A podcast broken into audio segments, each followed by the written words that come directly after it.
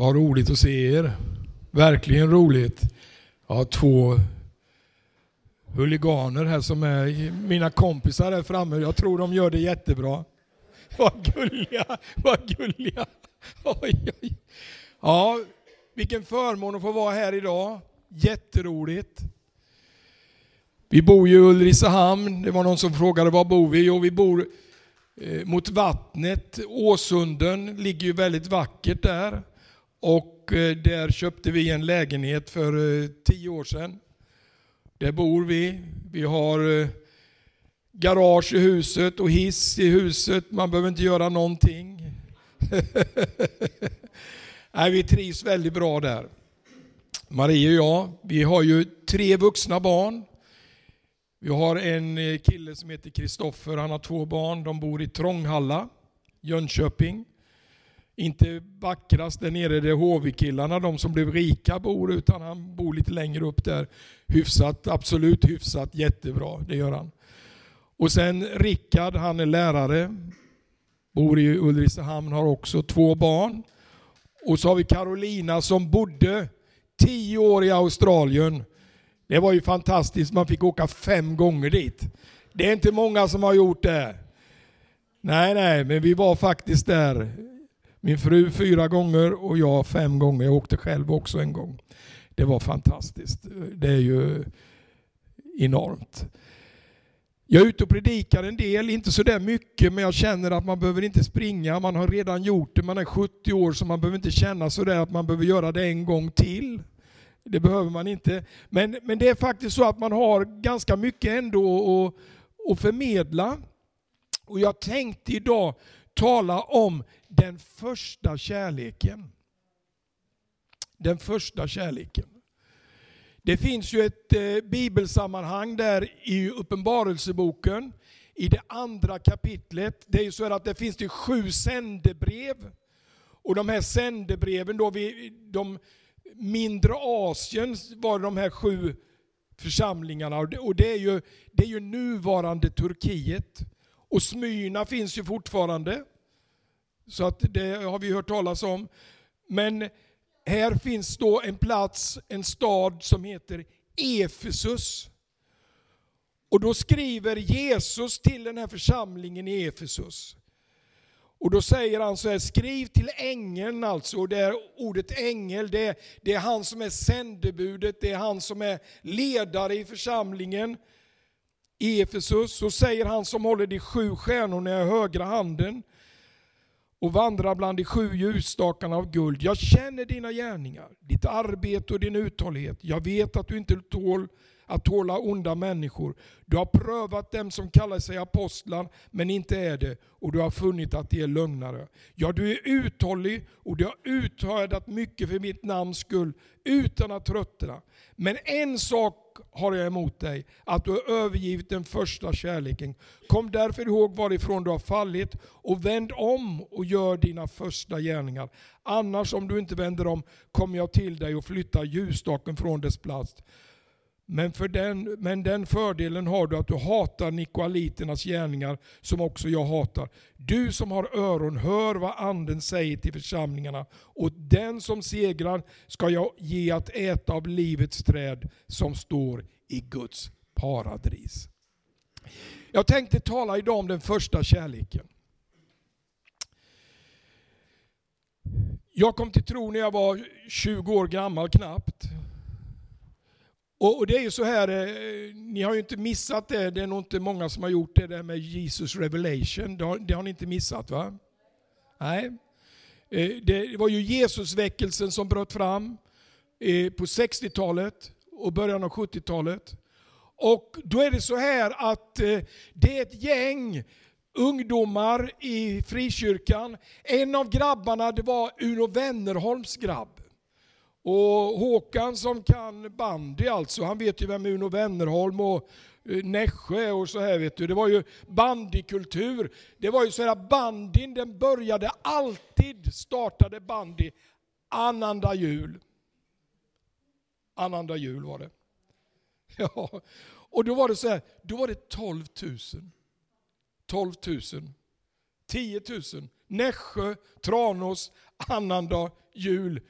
Och då är det så här att en av hans grabbar, de får en vision. De får en vision och de börjar be. Och då är det så här att de här ungdomarna då, de är mellan 15 till 20 år gamla.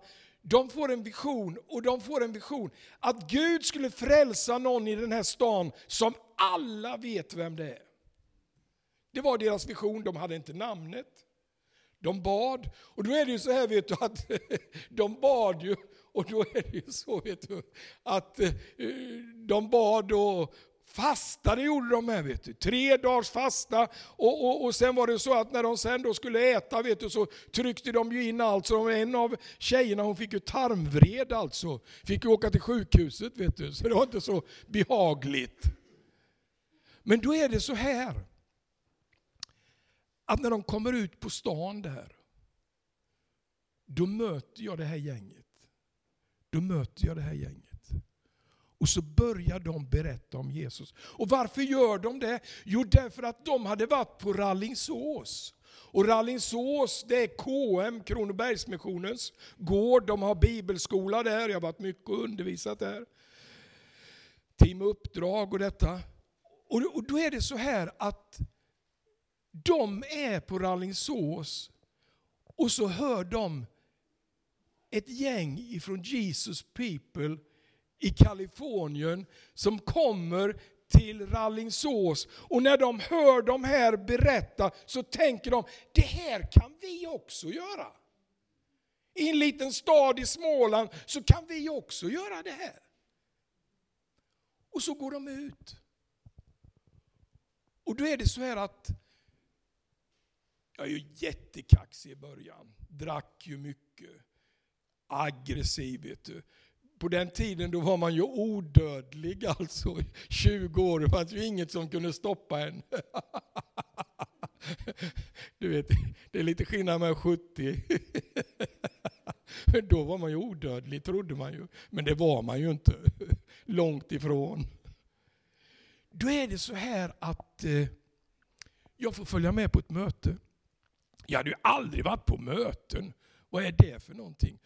Och då kommer man, du kan få ett nytt liv, du kan finna en ny väg. När du kommer till Jesus, ding, pling. Och de tyckte ju, detta var ju jättebra. Och jag bara kände, det var ju kass. Det var ju kass. Men då är det ju så här, att jag är ju på det där mötet.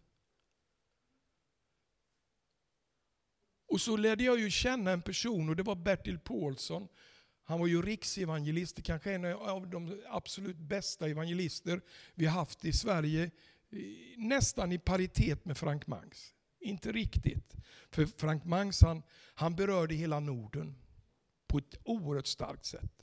Men han predikade Bertil. Och då är det så här att jag har suttit några kvällar med Uno Wennerholm. Därför att Uno han visste ju att Nilas, den här killen, hockeykillen, han håller på att balla ur helt.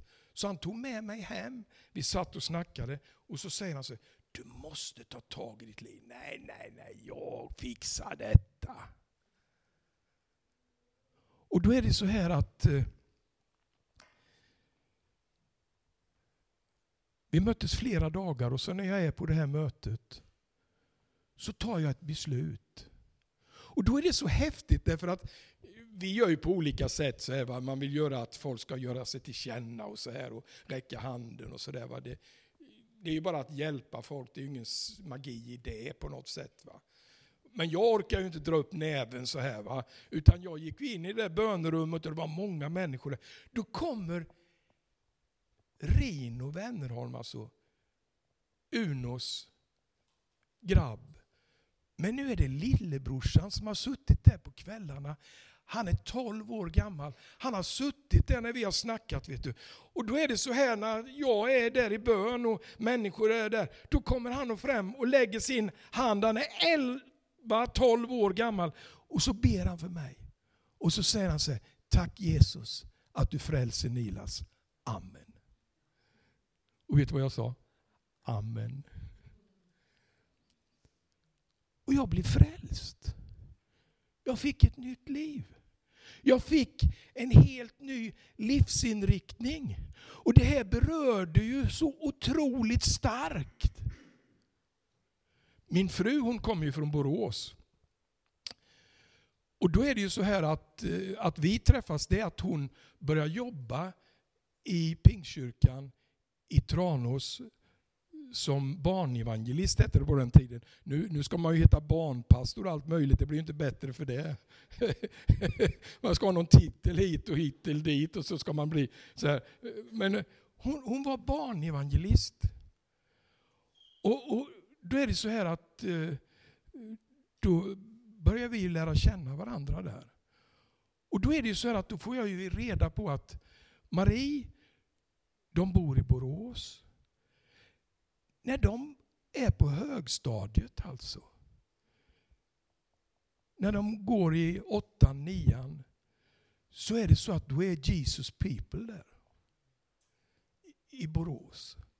Och människor kommer till tro. Och denna väckelse som börjar betyder att i Pingstkyrkan i Borås, alltså under en tidsperiod, så är det ungefär 200 människor som döps till Kristus. Inte på en vecka, inte så utan under ett antal år.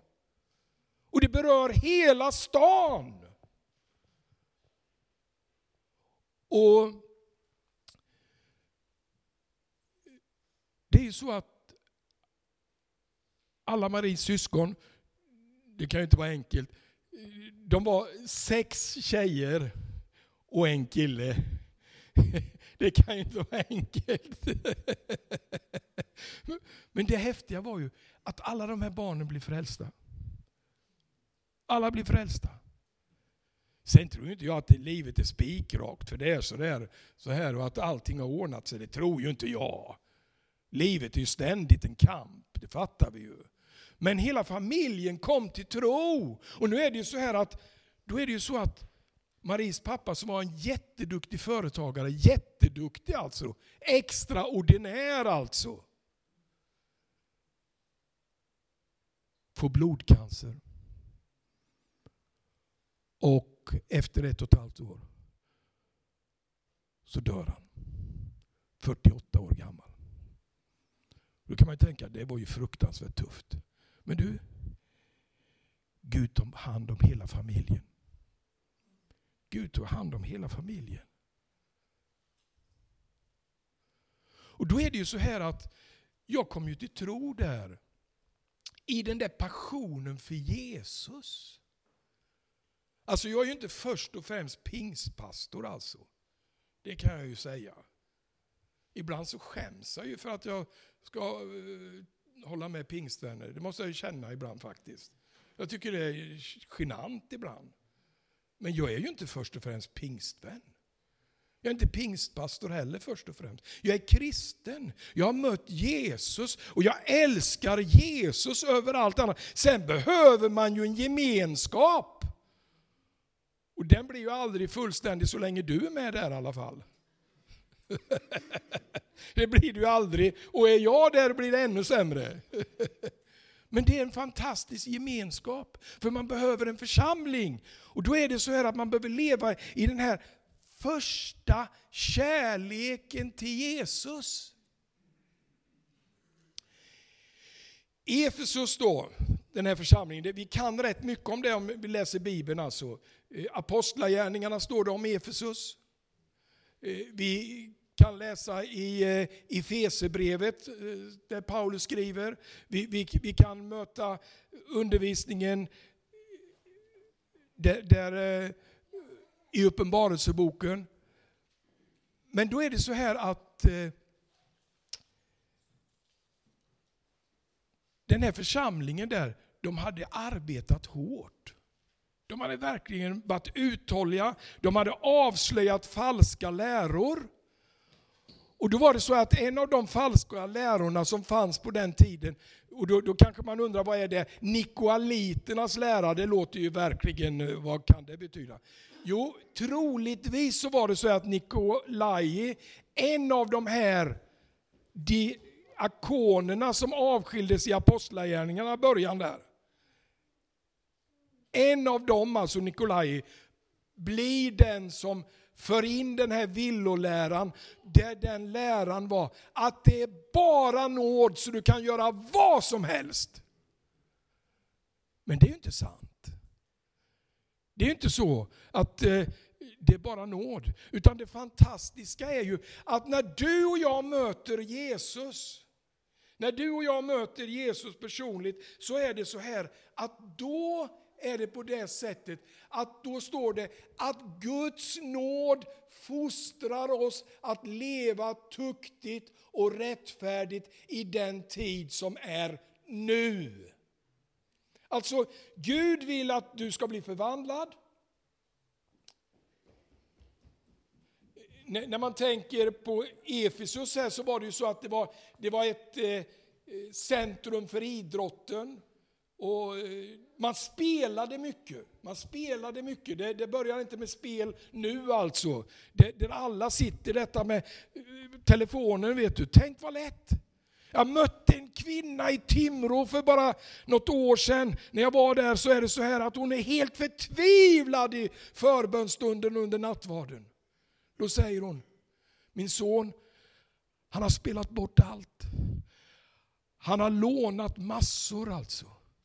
Snabblån på snabblån på snabblån. vet du. Och det går snabbt vet du, så har du en halv miljon i skuld. Och när den här kronofogden jagar dig så säger ju inte han så jaha, vi väntar lite nu. Utan det bara tickar på. Och 500 000 det blir 700 000 och 700 000 blir 1,2 miljoner förstår du. Det bara tickar på. Och hon var helt förtvivlad. För mig var det självklart när jag blev frälst. Jag spelar inte om pengar. Det var ju självklart. Det, det var ju så självklart. Du vet, det, det, är så lätt alltså. Girighet och så tänker man så här. Du vet, det, det, är som nästan nu, alltså allt som ska göras och lyckas i livet, det är att man ska vinna den stora vinsten. Nej, nej, nej, nej, nej, nej, nej, nej, nej, nej, nej. Glöm det. I Efesus så säger Jesus så här, du har övergivit den första kärleken. Jag känner dina gärningar. Ja, i Matteus så står det så här i 24 och 12 så står det så här. Kärleken kallnar hos de flesta. Alltså, det, det är så att eh, det kan vara så att man, man, man förlorar den där varma, generösa kärleken. Och då, ibland så känner jag det, det skäms jag nästan mer för. Att vi kristna är så arroganta och så hårda och så fruktansvärt tuffa. Du vet när man läser hur predikanter skriver på nätet så bara känner jag så här, det är ju fruktansvärt, man tror man kan säga vad som helst. Nej, nej, nej, nej, nej, nej, nej, nej. Det går inte. Det går inte. Det är så här att vi är generösa. När jag stod där i förbönskön i Norrland, i Härnösand, så kommer det fram en kongolesisk kvinna i förbönen där och jag frågar vad hon heter. Då säger hon så här, jag heter generös. Du vet, tänk vad häftigt! Vad heter du? Förstår du vad viktigt? Man är generös, man är kärleksfull. Men det är så här att det står ju så här att kärleken hos de flesta ska kallna. Du vet, då, då, då skickar vi ju det där ute. Nej, nej, nej, nej, nej, nej. Det här. Församlingens kärlek kallnar. Nej, det står så här. I Romarebrevets femte kapitel så står det så här. Guds kärlek är utgjuten i våra hjärtan genom den helige Ande. Guds kärlek! Den här första kärleken. Nu säger ju Jesus till församlingen att ni behöver göra omvändelse. Och, och, och då, då, kan man ju tänka sig omvändelse, vad är det för någonting? Jo, omvändelsen kan ju gå till på så många olika sätt. Det är ju så. Jag vet när min dotter döptes, då var hon 11 år och då kan man ju tänka sig så här, jaha, kan man som 11-åring veta någonting? Och jag såg någon artikel nu att man skulle göra om sitt dop så här och så här. Så här va? Nej, nej, tror vi inte på. Tror vi inte alls på. Och, och, och, vem kan? Vad kunde jag när jag var 20 år och blev döpt? Jag kunde väl knappt någonting. Jag vet inte om jag kan mycket mer nu. Men det fantastiska är ju att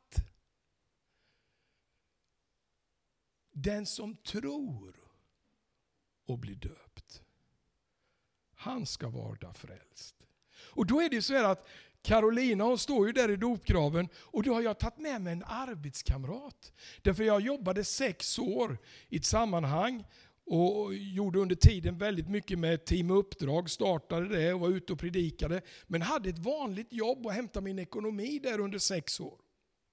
Och så hade jag en arbetskamrat som jag tog med mig på möte. Och hon hade ju aldrig varit med i ett sånt här sammanhang. Och så är det så att de står där, ett antal ungdomar var det. Och, och så står lilla Carolina där och så är det så här att då ser jag att eh, när Carolina går ner i dopvattnet där och man säger på min mästares befallning döper jag dig till Kristus i Faderns, Sonens och den helige Andes namn och doppar ner henne under vattnet. Då ser jag den här tjejen, arbetskamraten. Jag ser bara hur det strömmar tårar ner för hennes kinder. Så går jag ner där och så lägger jag min hand om henne och säger Hur är det? Vill du att vi ska be? Ja, säger hon. Det här är det starkaste jag varit med om. Inte någon narkoman eller knarkare, utan en 11-årig liten tjej som står och lyser för Jesus. Du, det är en sån fantastisk välsignelse.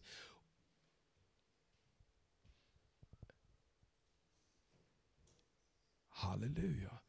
Och då är det så här att omvändelsen kan gå till så väldigt olika. Jag var 20 år gammal när jag blev döpt. Någon är 15 år. Någon är 70 år. Någon är 50 år. Och då är det så att omvändelsen kan gå till på så många olika sätt. För att det, det, det är ju ungefär som när man kör GPSen. Har ni, man kör ju alltid GPS, man hittar ju aldrig någonstans längre. Nej, man kör på GPSen och jag var med om något dråpligt. Jag skulle till Osby och körde fel därför att man kan åka E4 ner där och, och, så svänga in mot Osby. Jag missade avfarten. Och då är det ju så att då säger ju GPSen säger ju alltid hitta en ny färdväg. Jaha, Nej, jag, jag backar nog inte tillbaka. Jag, jag, jag följer den nya färdvägen. Och du vet, från E4 där till Osby så, så är det ju ett antal mil. Men, men jag kom ju helt vilse. Så efter ungefär 25 minuter när jag har kringelikrokat där på småvägar där, så hamnar jag på en gödselstack alltså.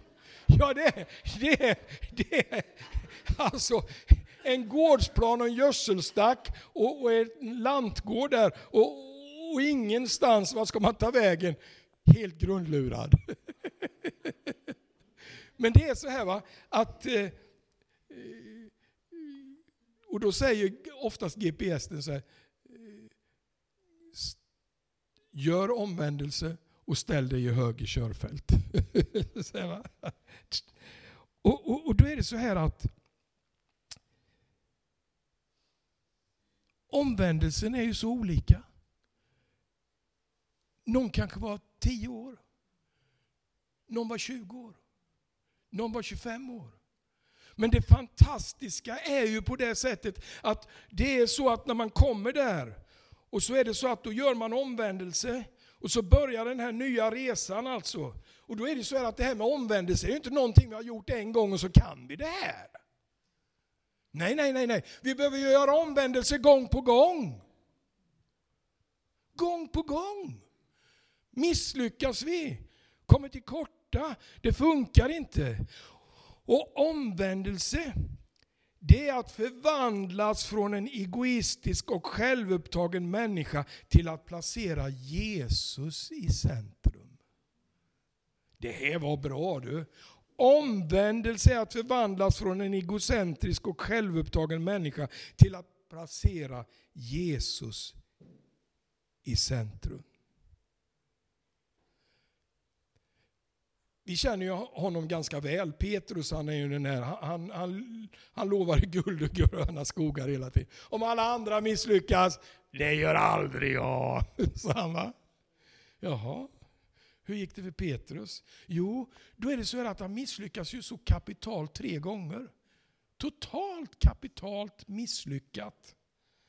Och då är det så att när sen Jesus möter Petrus så ställer han samma fråga tre gånger. Älskar du mig? Älskar du mig? Alltså hemligheten att vara kristen, det är att älska Jesus. Det är att älska Jesus. Och man blev ju lite smått peppad när man såg den där filmen. Är det någon av er som har sett den? Det är några, ja. ja, ja. Det, det, det, och det, det är ju rätt intressant alltså därför att eh, eh, det börjar ju där med Chuck Smith. Det var ju tur att det fanns en lite eh, mogen kristen. Lonnie Frisbee han, han gick på och var ju helt orädd i alla sammanhang men det, det var ju väldigt viktigt att det fanns en en mogen kristen i Chuck Smith. Och det berörde ju människor så otroligt starkt. Och det som jag tycker, om jag då bara får göra en liten kort analys av hur vi har det i Sverige, så känner jag ju så här. Jag tycker att vi har blivit alldeles för tuffa.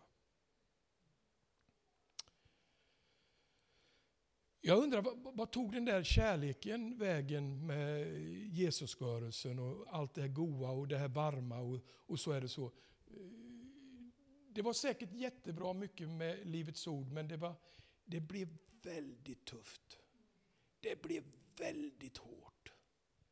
Det blev stenhårt vet du. Och det blev inte bra. vet du. Det var så många som blev skadade. vet du. Så många som kände vet du, att det här funkade inte.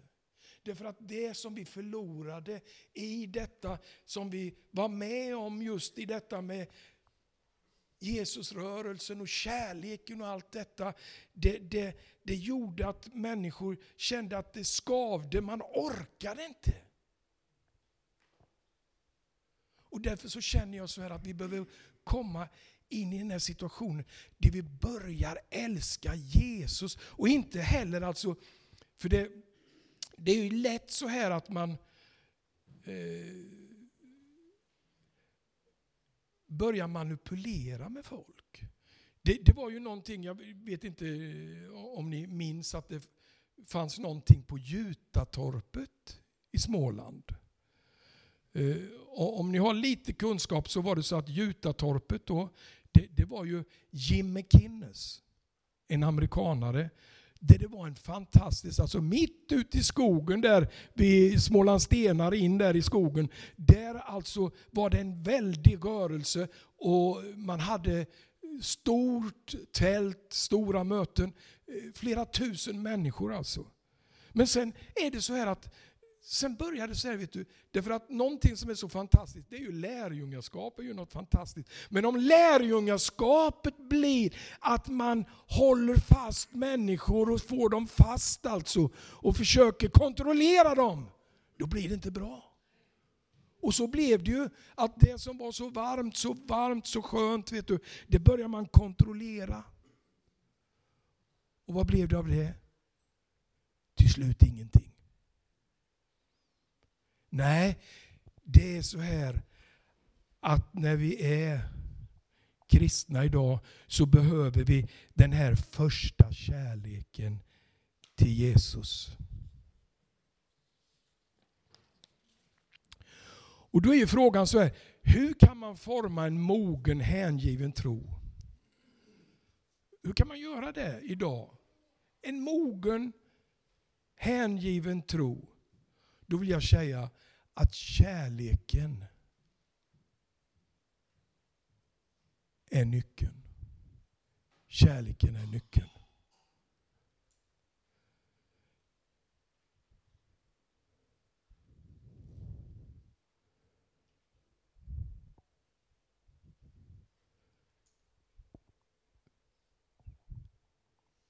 Jag kände att när jag såg den där filmen så tänkte jag så här. Jag behöver beröras av det här på nytt igen.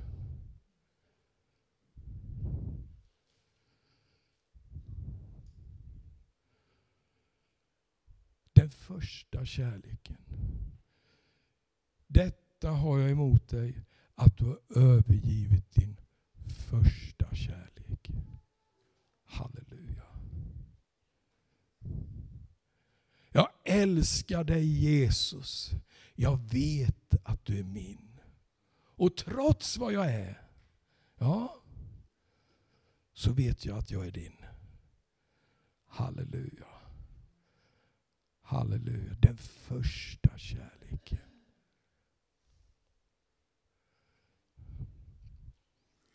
Ska vi be tillsammans?